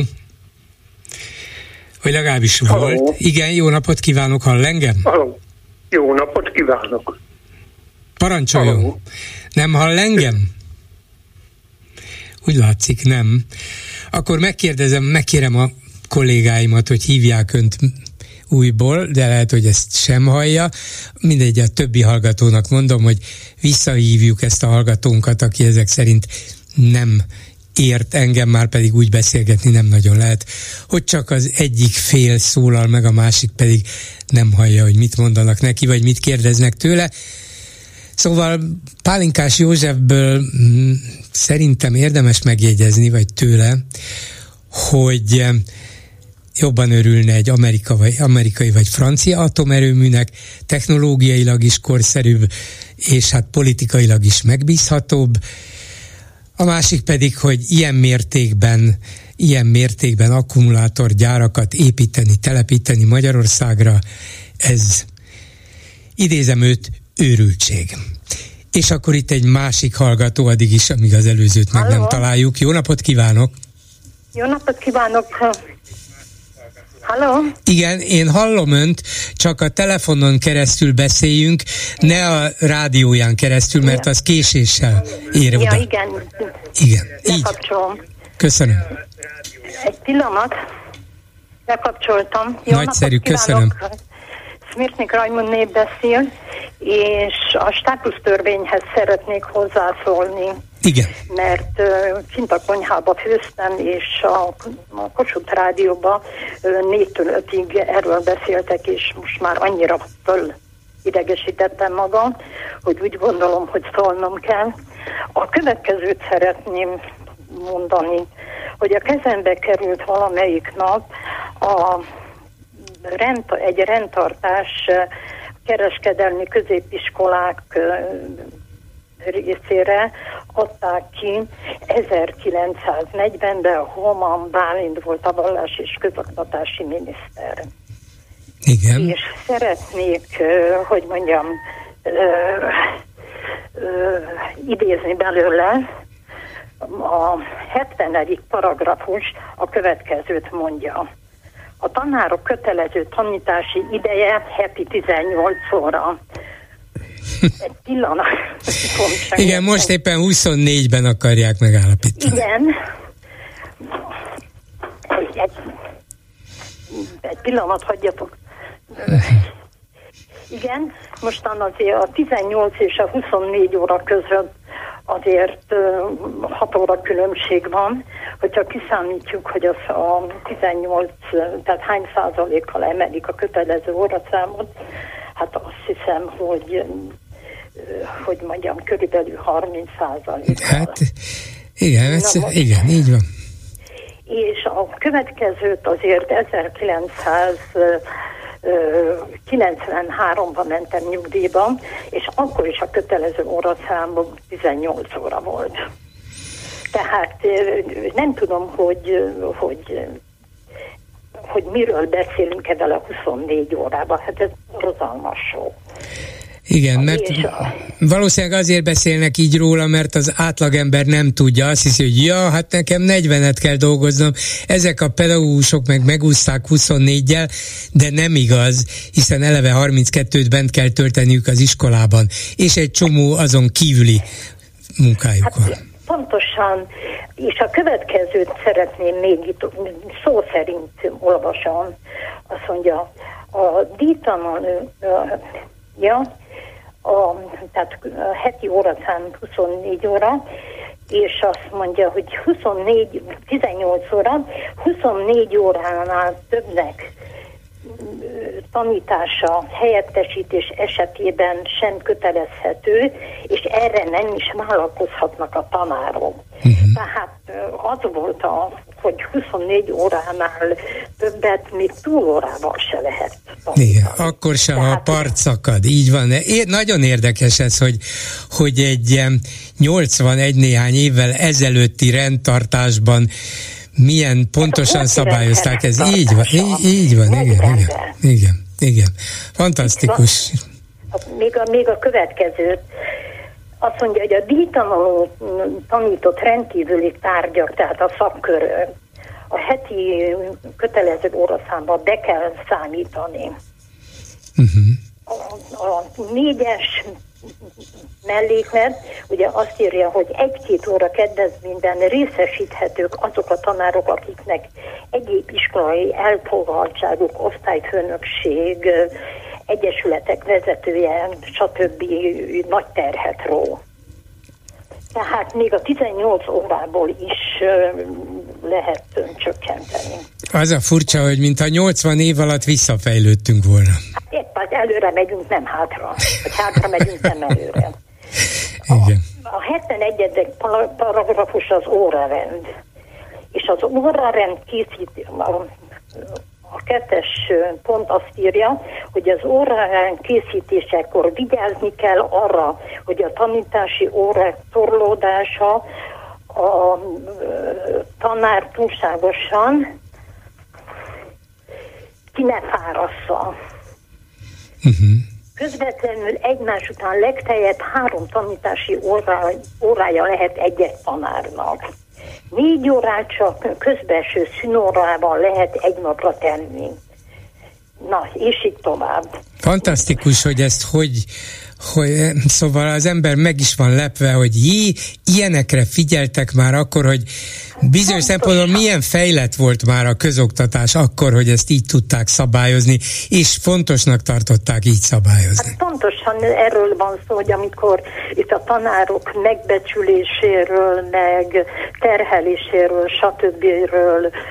beszélünk, hogy arról nem szólunk, ugye, hogy a tanár most azt jelenti, hogy ha 24 óra kötelező, körülbelül 5 órát kell bent tartani, az órát kell neki tartani. Plusz esetleg helyettesíteni. Na most az, ha hazamegy, akkor vagy az iskolába is, hogy az már nem fog tudni az órára megfelelően készülni. Szóval nem a tanárokról van feltétlen szó, hanem a diákokról. Mert hogy ezt végső soron a, a gyerekeknek a kára, ez teljesen természetes. Nagyon köszönöm, hogy ezt kibányázta nekünk, nagyon érdekes volt, és köszönöm szépen. Viszont hallásra. Ezt a könyvet adom, hogyha valaki, hogy mondjam, én a a Pintér. Pintér Sándor belügyminiszter, oktatási miniszter, egészségügyi miniszter szíves figyelmébe ajánlja. Igen, igen, igen, igen. Én, én, én igen. Nem tudom, hogy ők, ők hol élnek, szóval valahol igen. Nem árt, hogyha nem csak a horti rendszert rehabilitálják úgy általánosságban, de Pontosan. esetleg néhány konkrétumot akár át is vehetnének, mert ebből érdemes tanulni. Hát igen, én is úgy gondolom, pont valamelyik nap volt a horti rendszerről szó, nem vagyok horti rendszernek híve, de, de speciál ezt azért... Ez így van, ami, ami jó, ezt el kell ismerni. Köszönöm pontosan, szépen, pontosan. köszönöm, viszont hallásra. Köszönöm, viszont hallásra. És akkor valószínűleg az a hallgató van itt, aki az előbb nem hallott engem. Igaz? Jó napot kívánok! és megint... Hello. Igen, jó napot kívánok, hall engem? Jó nap. Jó napot kívánok. Hall engem? Próbálkozom. De úgy látszik, hogy megint nem hall engem, úgyhogy nem tudom, hogy milyen beszélgetés lesz ebből. Még mindig nem hall? Semmi? Én hallgatom. Igen, akkor én is hallgatom önt, maradjunk ebben. Jó, üdvöz, üdvözlöm, Borgálom. Bocsánatot kérek. Még nem telefonáltam ebbe a műsorba, és fogalmam nincs, hogy hogy működik, és próbáltam itt nyomogatni ide is, oda is, Uh-huh. Egyetlen egy dologgal próbálnák ö, beszélgetni ö, ügybe. Igen. Hogy miért nem foglalkoznak azzal, hogy van egy teljesen új technológia. A, tudni illik a szilárd test ez micsoda? akkumulátor. Igen. És az, az, hogy hogyan működik, állítólag sokkal gyorsabb, sokkal többet tud, mint a mostani technológia. Lehet, hogy később ér ide, később lesz belőle használható Igen. E, nézze, sok újfajta akkumulátor létezik.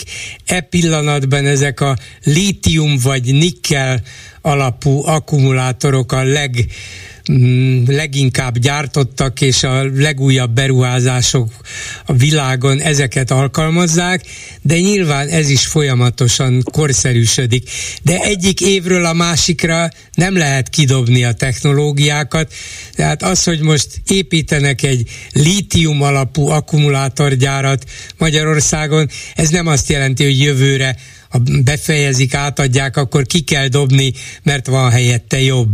Nem, ez elműködik jó néhány évig, nem csak nálunk csinálják, más, máshol is. És közben, ha találnak jobbat, hatékonyabbat, kevésbé drágát, kevésbé szennyezőt, akkor majd oly, arra fognak átállni. De önmagában ez szerintem nem probléma.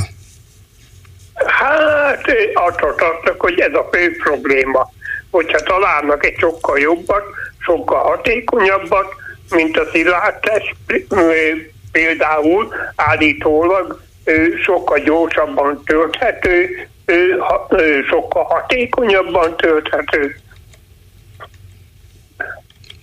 Igen. Nem tudom. Hát, de egyelőre azt látjuk, hogy a világon szinte mindenütt, minden országban, minden ezzel foglalkozó cég még azokat a típusú akkumulátorokat fejleszti, korszerűsíti, amilyeneket nálunk is gyártani akarnak.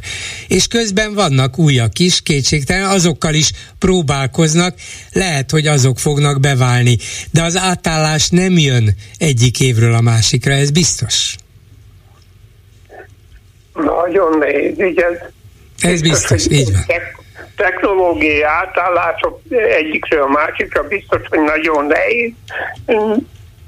De érdemes hónapok, nem hallok az önök műsorában, sem nem hallok egyáltalán a szilárdtest technológiáról, holott állítólag sokkal többet tud, mint a mostani. Majd igen, hát ehhez én nem értek, én csak azt tudom mondani, hogy a, vil- igen, a világon mindenütt elep, alapvetően ezeket a lítium-ion vagy nikkel akkumulátorokat preferálják, ezekbe ruháznak be, és vannak nyilván új próbálkozások, lehet, hogy azok sikerrel rendelkeznek, és az is lehet, hogy valaki szerencsésebb lesz, ahol az újat, a hatékonyabbat kezdik el gyártani, lehet, hogy oda fog átmenni a beruházások jelentős része, de az is lehet, hogy itt nálunk elkezdik ezeket gyártani, és aztán jön egy új típusú, és átállnak rá, és Magyarországon már van valamilyen tudás ebben az iparágban, és lehet, hogy arra építenek, amikor egy más típusú akkumulátort is megpróbálnak előállítani. Szóval szerintem erről folyamatosan fogunk beszélni, mert itt lesz velünk. Magyarország popára esik, Hát van, igen. Egyfajta, egyfajta technológiára, ami aztán, mit tudom én, meghaladja az idő. Igen. Lehet, hogy azért esünk pofára, mert túl sokat akarunk ezekből gyártani. Nem volna szabad ennyire. Egy lapra pörtönni minden. Így van. Ez, ez egy, nem is tudom, egy, bocsánat, Igen. nem akarok túlzó jelzőket mondani, tehát ez egy őrült ötlet. Igen, ez pókerezésnek látszik, nem, nem biztos, igen, hogy ez, igen. Ez így beválik. De hát megkérdezni nem kérdeznek meg minket, sőt azokat se kérdezik meg, akiknek a lakóhelye közelében fölépítik ezeket. Ez a legszomorúbb, igen. Köszönöm, köszönöm szépen, jó, minden jót, viszont hallásra. Minden jót. Háló, jó napot kívánok! Jó napot kívánok! Mirgai Zoltán vagyok. Parancsoljon! Az előbb beszélt itt a, nem tudom már, hogy hívták az urat, aki a akkumulátor szövetségnek, vagy nem tudom kinek az elnöke. Kaderják Péter. Kaderják Péter, nagyszerű, gratulálok Kaderják Péter úrnak. Azt gondolom, hogy picit el van tévedve. Mert ő azt mondta, hogy egész Európa erre áll rá, és mit tudom a lengyelek, meg a meg a baltiak, meg mindenki, meg a norvégok ilyenek, ilyeneket akarnak játszani. Kaderják úr el van maradva. Mert? Félvezetőket. Uh-huh. Félvezetőket, csippeket. A lengyelek félvezetőket, csippeket. 30, itt van 4,2 milliárd ruház most be ott egy tajvani cég, ez egészen pontosan a TSMC, amelyiknek tavaly egyébként az eredménye 75, 23 milliárd amerikai dollárt volt a konszolidált mérlege. Ez, ez a TMC. Uh-huh. Mhm. Az SMIC az egyébként 32 milliárd euróért akar építeni náluk chipgyárat. Hú, Na most a chipnek az értéke és az akkumulátor értéke között és a hozzáadott érték közötti különbség a hatalmas. Igen. Hát, ha még egy kamiont megraknak csippel, annak az értéke, az körülbelül 50 darab kamiont vagy 70-et kell megrakni akkumulátorra. Igen. Arról nem is beszélve, hogy ennek a gyártása az tulajdonképpen steril körülmények között zajlik, és egyébként nem, nem szennyezi a környezetet. Na de Kaderják Kaderják Péter nem a... Honnan ezeket a hülyeségeket? Kaderják Péter nem a Magyar Chip Szövetség, vagy Félvezető Szövetség elnöke, de hanem az, az Akkumulátor Szövetség. Az akkumulá... De nem, de butaságot mondom. Nem, a, nem ebbe kell ruházni, hanem a majd, amelyik vezérli ezt. Hát adnak van hozzáadott értéke, nem? Igen, azt mondja minden közgazdász, aki ebbe egy kicsikét mélyebben beleásta magát, hogy ebben az akkumulátorgyártásban a magyar hozzáadott érték kevés lesz. Vagyis sok hasznunk nem lesz belőle egy hasznunk van, ez kétségtelen, hogy nem fogunk kiesni az európai járműgyártásból, mert annak ez a következő 10-15 évben biztos jelentős, megkerülhetetlen része lesz, és akkor nem fognak innét elvonulni az autógyártók, meg az egyéb hozzáadott alkatrészgyártók. Ilyen értelemben tehát a magyar ipar fennmaradásához hozzájárul, de hogy ekkora mértékben kell ezt csinálni, hát erre mondta Pálinkás József, aki valamennyire csak ért hozzá, hogy ez őrültség. Hát én nem tudom, szóval én azt gondolom, hogy hogy a hozzáadott értéket nézünk, akkor a, talán a lengyelek nagyon jól csinálták, meg az északiak is, mert ők a csipre, a félvezető gyártásra. Mondjuk egy, mondjuk egy ilyen Tesla-ban van chip és félvezető körülbelül olyan százezer. Akkor melyik nagyobb érték? Az akkumulátor, vagy az a, az a, az a százezer chip, amit oda beleraknak?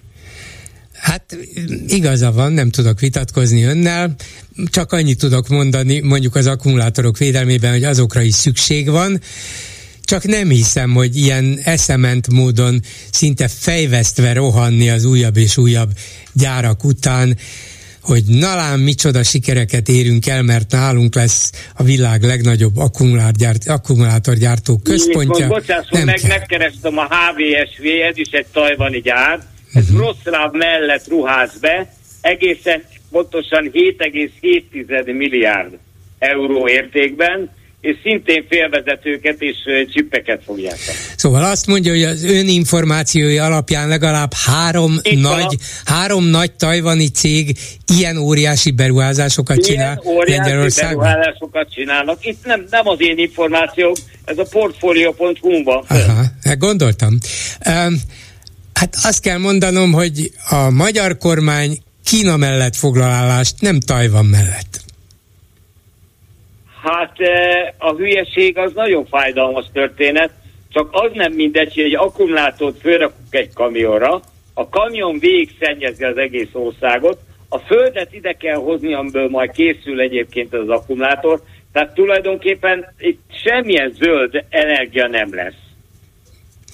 Hát ezeket szállítani kell, persze, óriási, persze. borzasztó súlyuk van. Igen, és akkor a használt akkumulátorokat meg majd szedhetik szét itt Magyarországon. Arról, arról hát az, az még gyönyörű lesz, akkor aztán az egész ország. Itt van egyébként még egy akkumulá, még egy e, gyár, a Kaukim, amelyik szintén egyébként tervez Lengyelországba, csak ott még nem állapodtak meg. És szintén félvezető, és szintén csipgyártás. Uh-huh. Hát az érték az, a, az egy kis lapocska, amelyik egyébként százezer darab kell egy ilyen autóba. Igen. Hát üzenjük akkor Orbán Viktornak, hogy legalább a baráti lengyel, eddig baráti Lengyelországra figyeljen. Köszönöm hát, szépen, talán, hogy talán, megemlítette. Igen, igen viszont hallásra. És mit írnak a Facebook kommentelők, Lőrinc Saba? Szia Gyuri, köszöntöm a hallgatókat. A csok, illetve a, a kormányinfon elhangzott uh, dolgok mellett az akugyárakról is elég sok minden volt.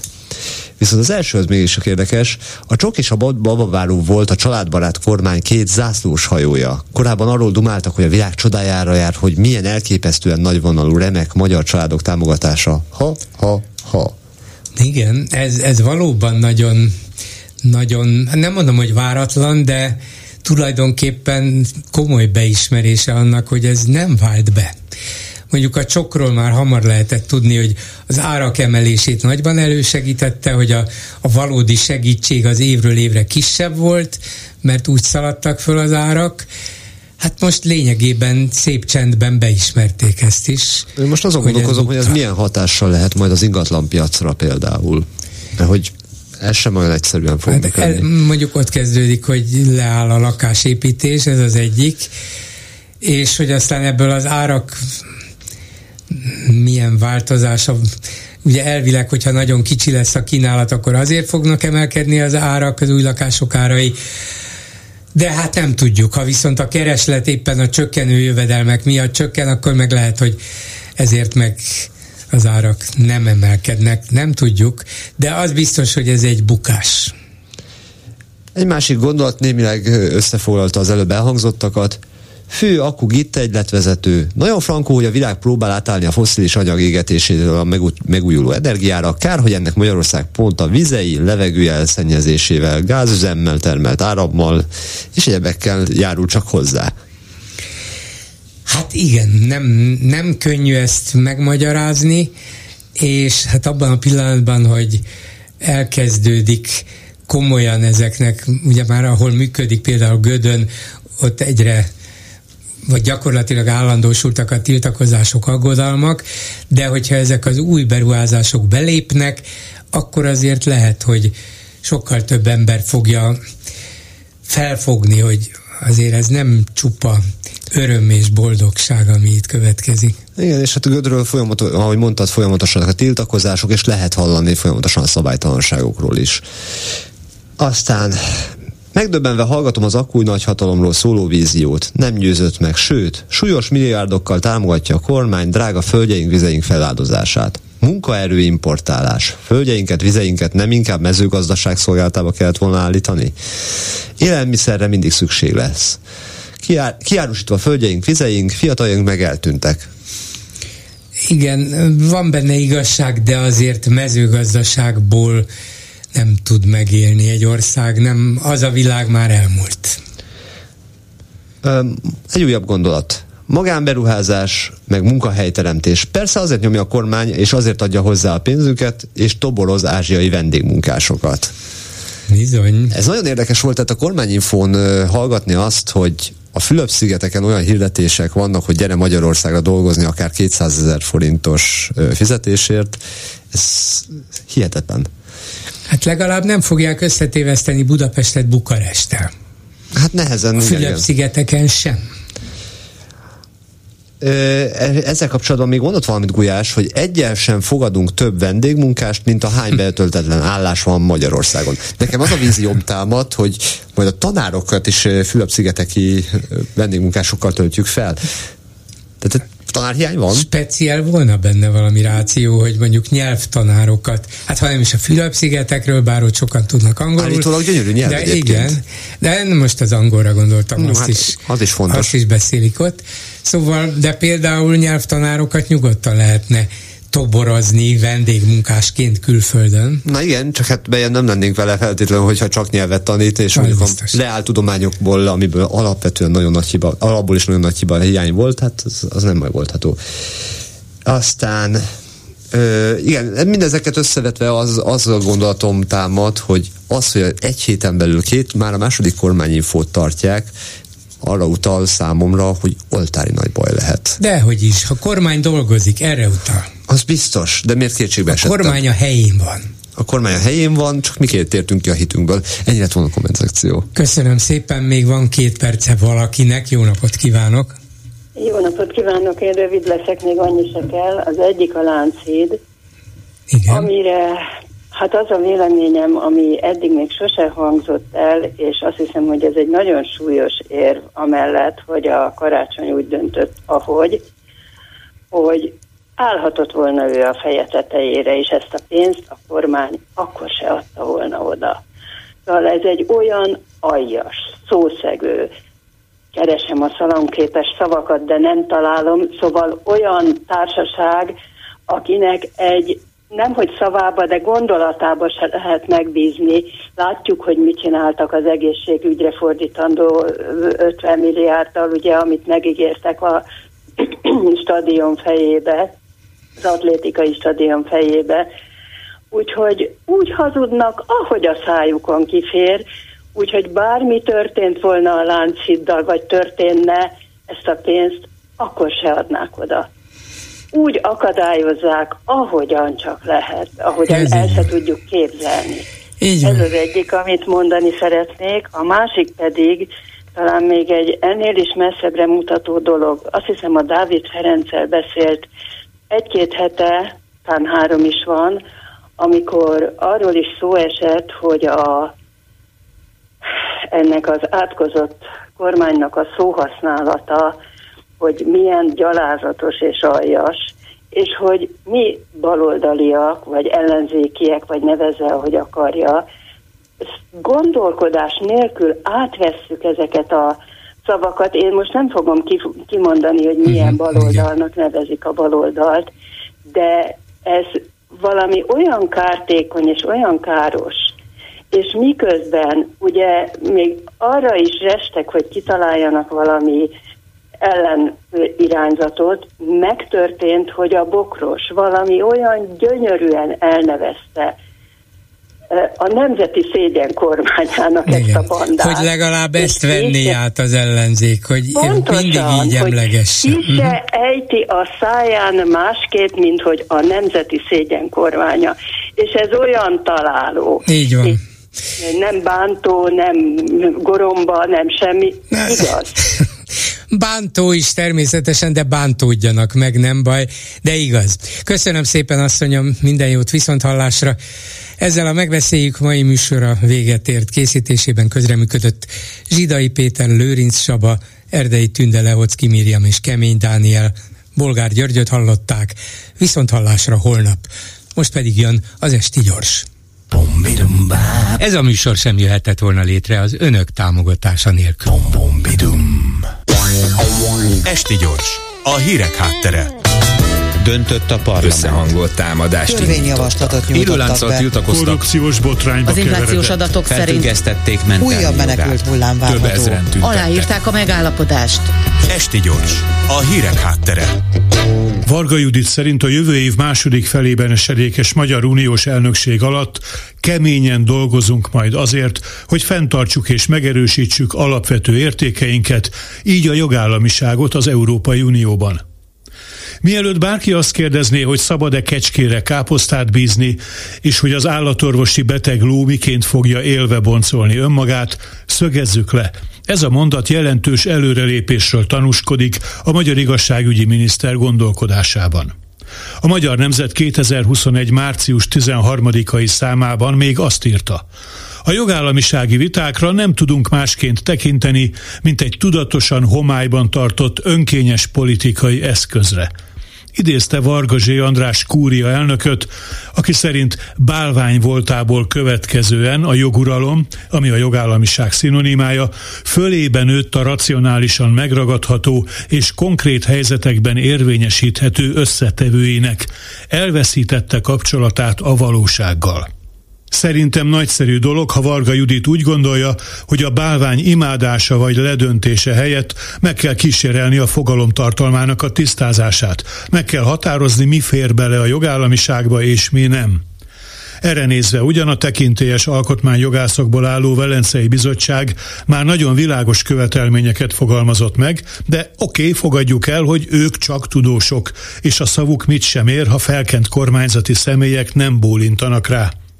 Tehát, ha vita legyen vita, Jogállamisága az, ha a szavazatok bőfelével bezsebelt kétharmados parlamenti többség birtokában kizárólagos hatalomra törnek, egy emberöltőre lenyúlva, illetve ellehetetlenítve mindent és mindenkit, ami nem az övék, aki nem ő hozzájuk kötődik.